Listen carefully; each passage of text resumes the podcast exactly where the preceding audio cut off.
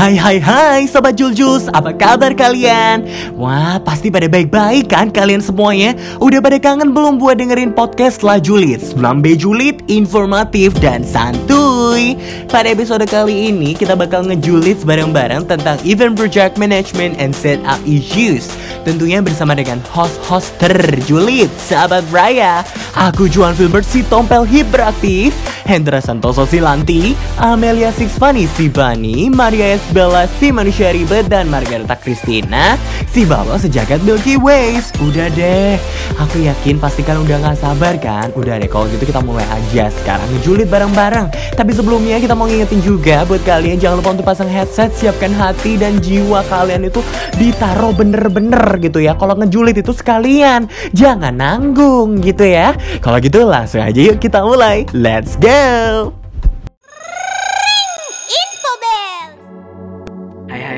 hai welcome back to our podcast channel. Nah kalau tadi ada Mr. Lajul, sekarang kenalin nih ada Mr. Lanti. Ada orang yang Kalimantan nggak di sini? Pasti tahu dong artinya. Nah di podcast kali ini Mr. Lanti ingin jelasin ke kalian semua tentang cara ngatur sebuah acara. Acara apaan sih Mr? Nah good question. Acara yang ingin Mr. jelasin yaitu mulai dari acara yang simple sampai acara yang complicated. Nih misalkan ya untuk perbandingannya, acara indoor itu gak seberapa besar ngaturnya dibandingkan dengan acara outdoor. Acara indoor udah ada tempat yang pasti, so gambarnya udah ada dan di situ-situ aja. Nah kalau misalkan acara outdoor, garden party misalnya, belum lagi kalau acara di private island. Nah selain cara bikin acara, persiapan akhir acara juga gak kalah penting loh, kayak gladi bersih dan simulasi gitu. Nah, kalian tahu gak sih kalau acara itu bagian dari sebuah proyek? Nih, Mister kasih tahu persamaannya ya. Yang pertama, mereka itu saling berkesinambungan dan mereka sama-sama dilaksanakan oleh banyak orang dengan skala yang besar. Selain itu, mereka juga punya batas waktu atau deadline. Nah, iya dong, kalau gak ada deadline, gak jalan-jalan tuh acaranya. Kalian yang pernah ikut jadi bagian dalam acara itu disebut orang-orang yang kerja tanpa pamrih loh. Kok bisa, Mister? Ya karena kerjaan kalian gak ada yang lihat seutuhnya gitu, tapi malah kadang kalian yang kena kritik. Oke oke lanjut. Untuk menetapkan suatu acara harus memperhatikan beberapa hal loh. Gak bisa sembarangan dan gak semudah yang kita pikirkan. Nah yang pertama harus spesifik. Spesifik itu kayak tujuan acaranya apa, mau didekor gimana, sponsornya apa, pengeluarannya gimana, keuntungannya apa, resiko, dan nanti kalau ada kejadian yang tidak tidak diinginkan antisipasinya gimana. Terus poin yang kedua, semuanya harus terukur, bukan berarti pas ya. Misalkan kayak konsumsi nih, undangannya ada 100 orang, jumlah konsumsi yang akan dibeli misalkan 150 gitulah. Jadi gak lebih dan gak kurang. Ketiga, susunan acaranya harus mudah diterima dan gak membingungkan. Terus untuk yang keempat, acara harus realistis. Misalkan kamu cuma punya budget 100 juta, gak bisa yang terlalu mewah-mewah banget. Nah, yang terakhir nih, ada ada yang bisa tebak gak? Yap, harus tepat waktu aka on time. Jangan sampai ngaret ya. Nanti para tamu undangannya pada protes lagi. Nah, untuk perbedaannya yang pertama, kalau acara pada bagian awalnya mereka itu membuat tujuan dulu baru memulai, sedangkan proyek mereka membangun rancangan. Perbedaan yang kedua, mereka itu kalau acara membuat perencanaan, contohnya rencana nanti gedungnya di mana, eh, acaranya di mana. Nah, sedangkan kalau proyek mereka membuat definisi semuanya harus akurat kayak tinggi gedungnya berapa, panjang jalannya berapa. Nah, semuanya itu ada perhitungannya. Lalu perbedaan selanjutnya kalau acara itu menjalankan acara, sedangkan untuk proyek mereka mengoperasikan. Nah, beda ya. Lalu untuk perbedaan yang terakhir yang paling mencolok, kalau acara udah selesai, mereka pasti dokumentasi, dikenang, evaluasi. Sedangkan kalau proyek kalau udah selesai, mereka diresmikan kayak potong pita gitu. Oke, udah dapat gambarannya. Nah, seperti itu.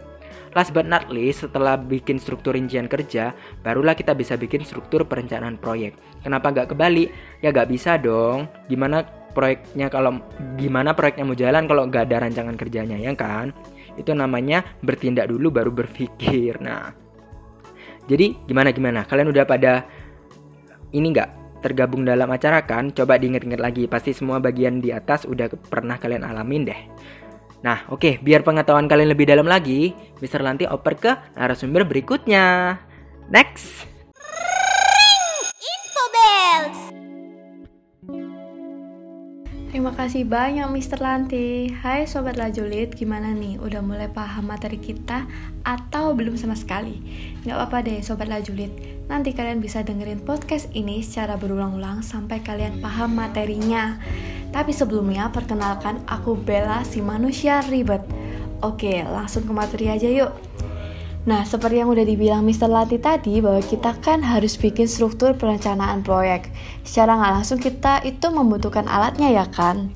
Nah, nama alatnya itu bagan gun atau gun chart, yang mana alat ini sangat berfungsi dan bermanfaat dalam merencanakan penjadwalan, pelaksanaan, ataupun pemantauan kemajuan dari setiap kegiatan dalam proyek kita nih, Sobat Jules.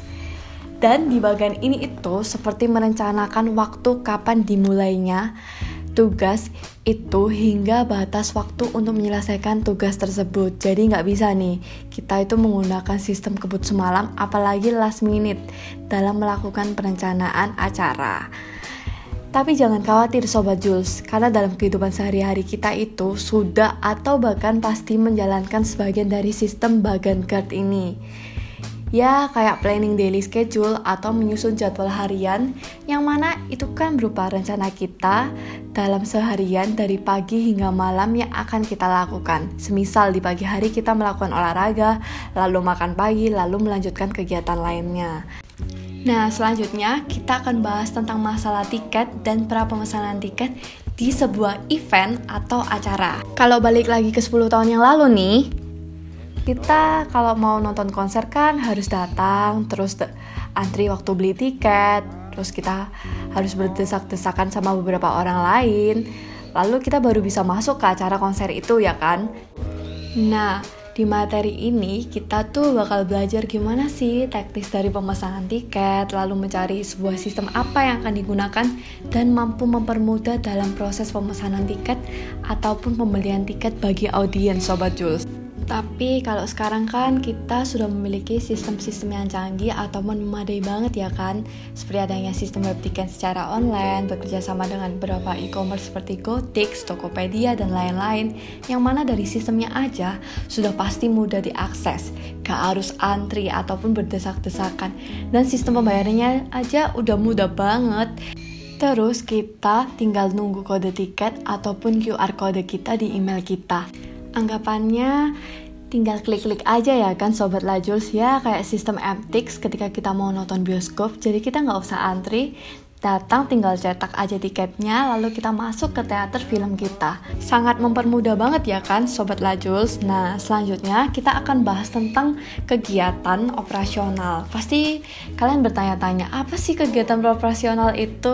Well kegiatan operasional itu kita memastikan dan menjalankan semua rangkaian acara itu dari awal hingga akhir acara sesuai dengan rencana awal. Namun biasanya di hari H itu kan pasti kompleks, ribet, ribet, kaget, panik, dan lain-lainnya. Jadi kita tuh harus tetap memiliki rencana cadangan atau plan lainnya. Dan pastinya kita juga memastikan semua bagian sih atau panitia acara dalam event itu sudah siap untuk melaksanakan tugasnya. Dan kita juga harus melakukan briefing atau pengarahan agar berjalan sesuai rencana dan mengkoordinasikan secara tepat namun menyeluruh jika ada informasi yang penting terbaru ataupun adanya perubahan. Intinya di hari H itu semua dari bagian event harus dipastikan semuanya sudah siap dan tinggal menjalankan tugasnya dan diharapkan berjalan lancar sesuai dengan rencana.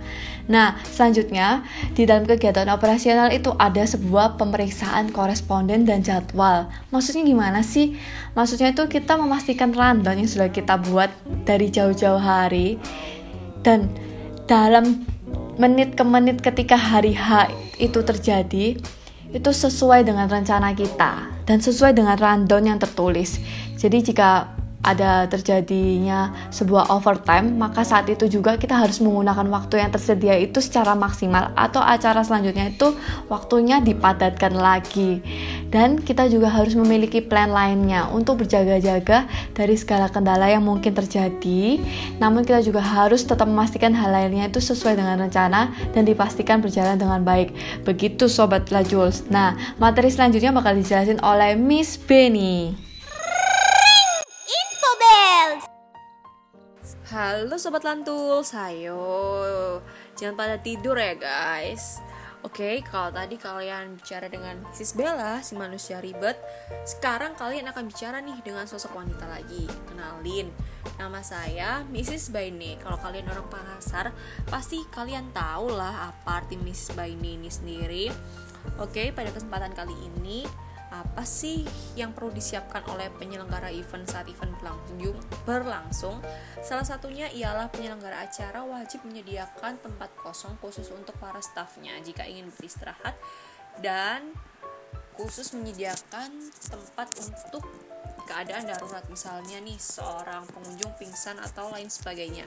Sang penyelenggara acara sudah jelas harus taruh ke mana ini pengunjung tersebut. Kemudian dalam berjalannya sebuah acara ini penting loh membawa handy talkie ini teman-teman. Apa sih fungsi dari handy talkie ini sendiri? Ternyata fungsi dari handy talkie ini sendiri berguna untuk memberikan atau mengirim sebuah informasi dari hal-hal yang penting hingga tak terduga seperti pengunjung ingin menanyakan tempat atau pengunjung ingin menemui seseorang. Maka dari itu pentingnya dalam sebuah acara para staf membawa satu alat komunikasi seperti handy talkie ini. Hal ini akan berguna bagi para staf untuk menangani hal-hal di luar dari perencanaan dan acara tetap akan berjalan dengan baik. Kalian tahu nggak sih kalau kita sedang memerlukan pasokan barang yang cukup banyak kita harus menghubungi siapa. Nah, pada saat seperti ini, kita sebagai penyelenggara acara perlu nih menghubungi seorang supplier barang. Nah, pada proses pengiriman supplier ini, jadi ketika kita sedang mempersiapkan sebuah acara, kita pasti memerlukan stok barang yang cukup banyak. Nah, pada saat inilah kita mengirimkan sejumlah barang yang sangat banyak sesuai dengan permintaan atau kebutuhan acara yang diperlukan. Namun, sebelum proses pengiriman ini sendiri dilakukan, kita perlu melakukan pengecekan terdahulu untuk menghindari kesalahan yang terjadi seperti ukuran, warna, dan desain. Pada saat mengadakan sebuah acara besar atau internasional, kalian pasti bingung kan?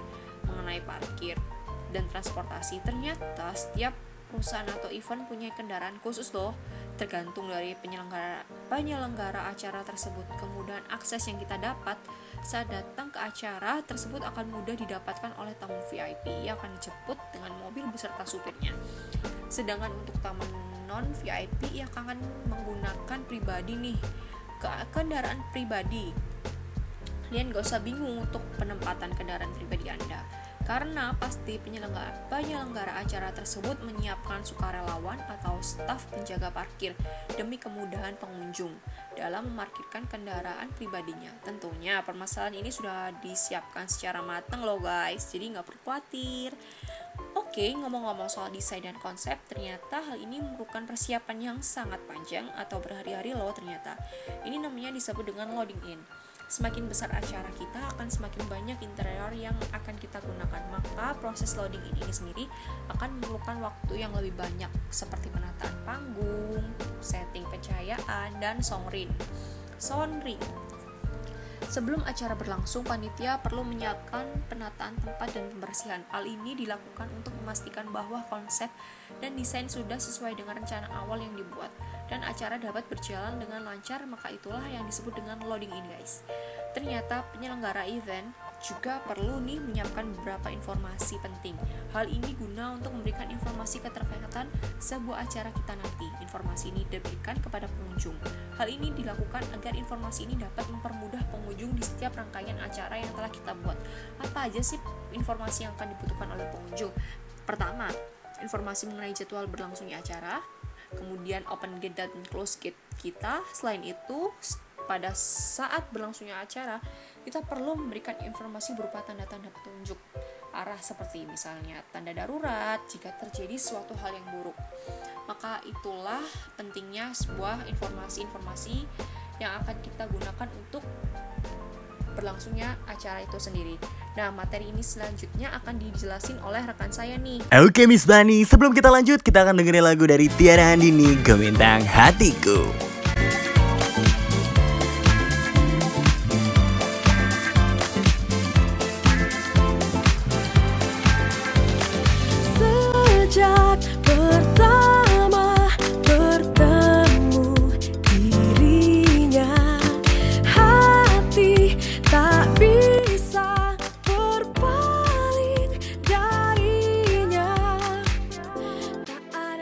Tadi udah ngedengerin tuh celotehan Mr. Lanti, Miss Ribet, dan Miss Baini, and now it is my turn. Margareta si manusia bawel. Yay, don't worry be happy, bab ini belum selesai sobat Jules Jules. Hehe, sabar, tahan ya, melek yuk matanya. Oke, ini aku sekarang mau jelasin salah satu aspek yang perlu diperhatikan ketika kalian nyelenggarain suatu acara. Apa coba tebak? Yap, keamanan. Terdapat beberapa acara yang melibatkan masalah keamanan, khususnya acara VIP atau politik yang mana banyak tuh orang-orang penting yang hadir. Untuk acara khusus seperti ini, biasanya tim dari kepolisian dan pihak dari Kementerian Ke Keamanan Dalam Negeri, kalau di Inggris nyebutnya Home Office ya. Nah, mereka inilah akan melakukan pemeriksaan secara menyeluruh pakai anjing pelacak dan detektor logam.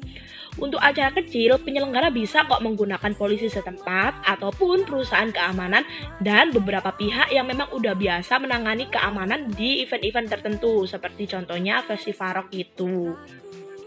Kalau aku bisa bilang nih, keamanan ini masalah serius sobat Jules Kenapa? Karena bila dari segi keamanan aja kita kurang, akan terdapat pandangan negatif dari masyarakat akan acara yang kita selenggarakan. Lalu, adanya kemungkinan ancaman teroris dan tindakan kejahatan lainnya.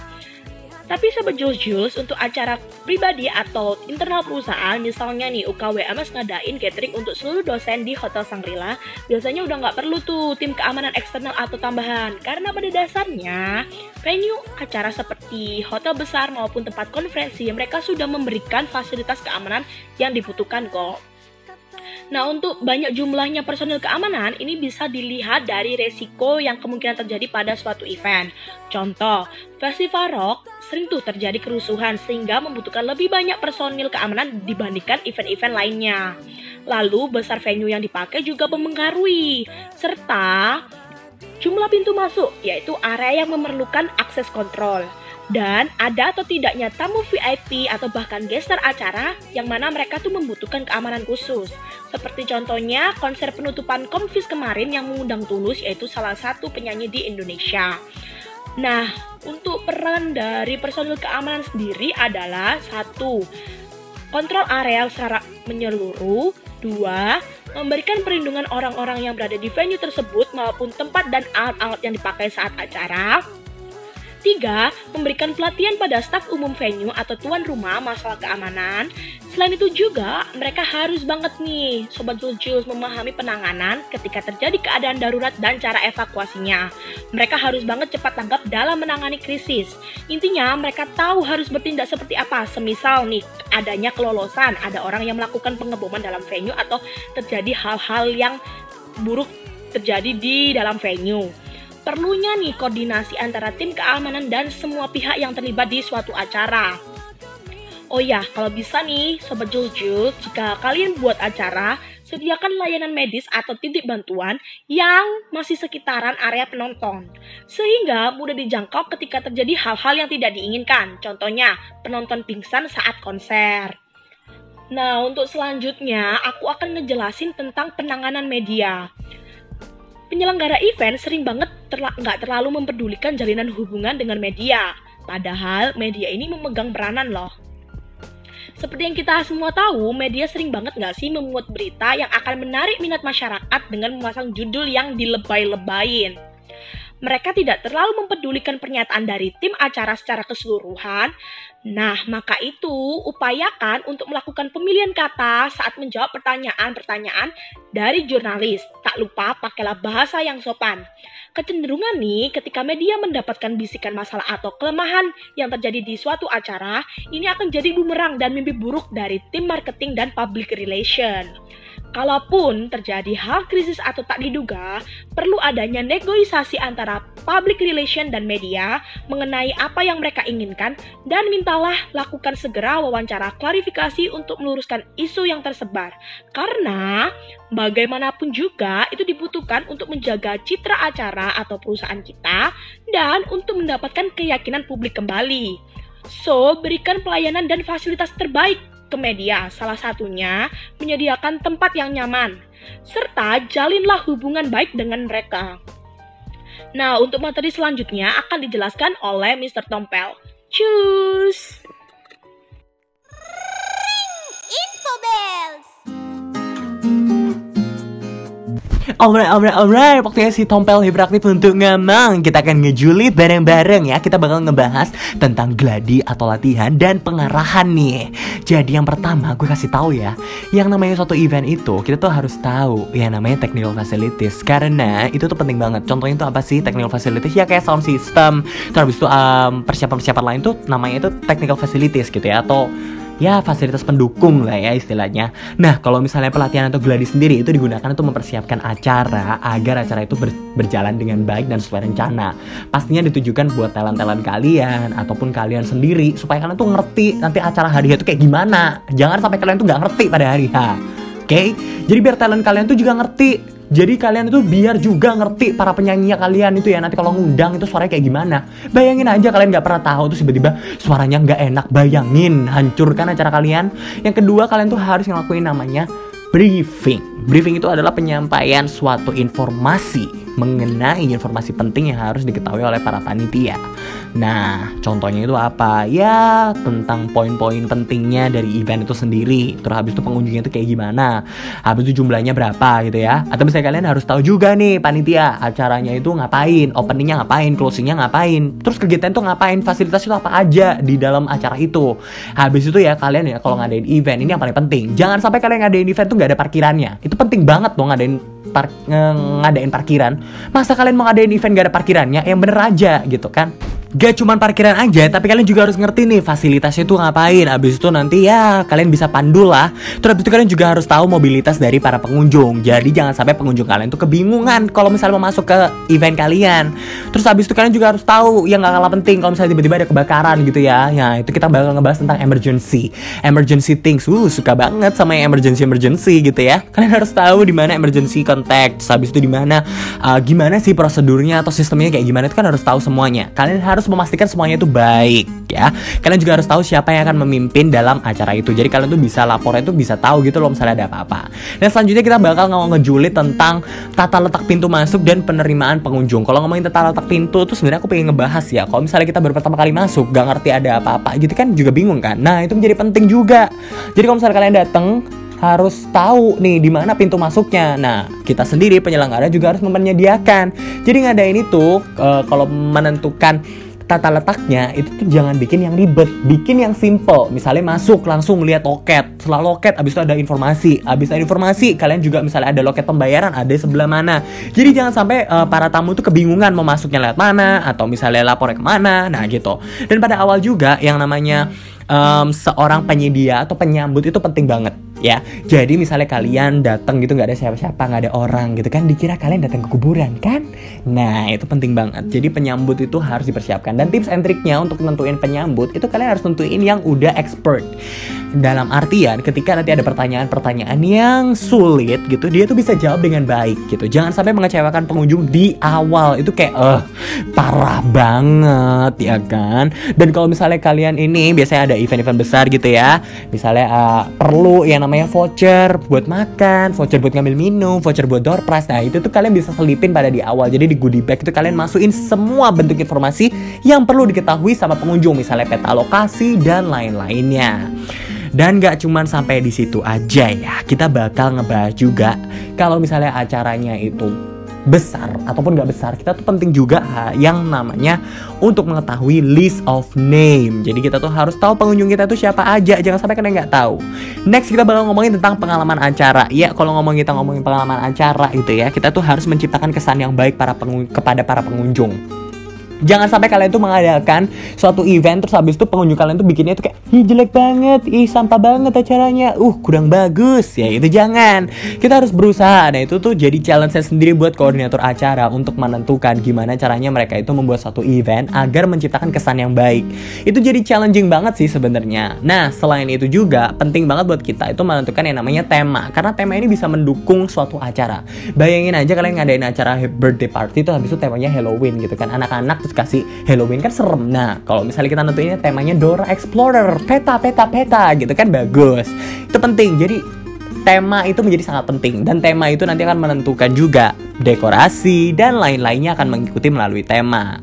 Nah, selain itu juga kalian tuh penting banget untuk mengetahui arti yang sebenarnya. Oh, ngerti arti sepenuhnya bahwa sebenarnya acara itu kita tuh nggak bisa yang ngomong tolak ukurnya itu dari kita sendiri. Tolak ukurnya itu pasti dari para pengunjung. Dan ada beberapa hal juga yang sebenarnya itu di luar batas kemampuan kita. Contoh kita ngadain acara outdoor terus tiba-tiba hujan. Nah kita mana tahu ya kan siapa anda Kita nggak tahu mana sempat gitu kan Nah itu yang harus diperhatikan Gimana caranya? Ya kalian harus tahu cara bikin supaya waktu hujan itu tetap acaranya jalan. Entah kalian kasih terop entah kalian kasih backdrop atau apa kek. Nah itu jadi challenge sendiri. Itu deh yang aku mau ngejulitin buat kalian. Jadi itu penting banget ya didengerin. Oke. Okay? so cukup aja untuk laju leads episode pertama kali ini. Kita akan bertemu di episode selanjutnya. Bye bye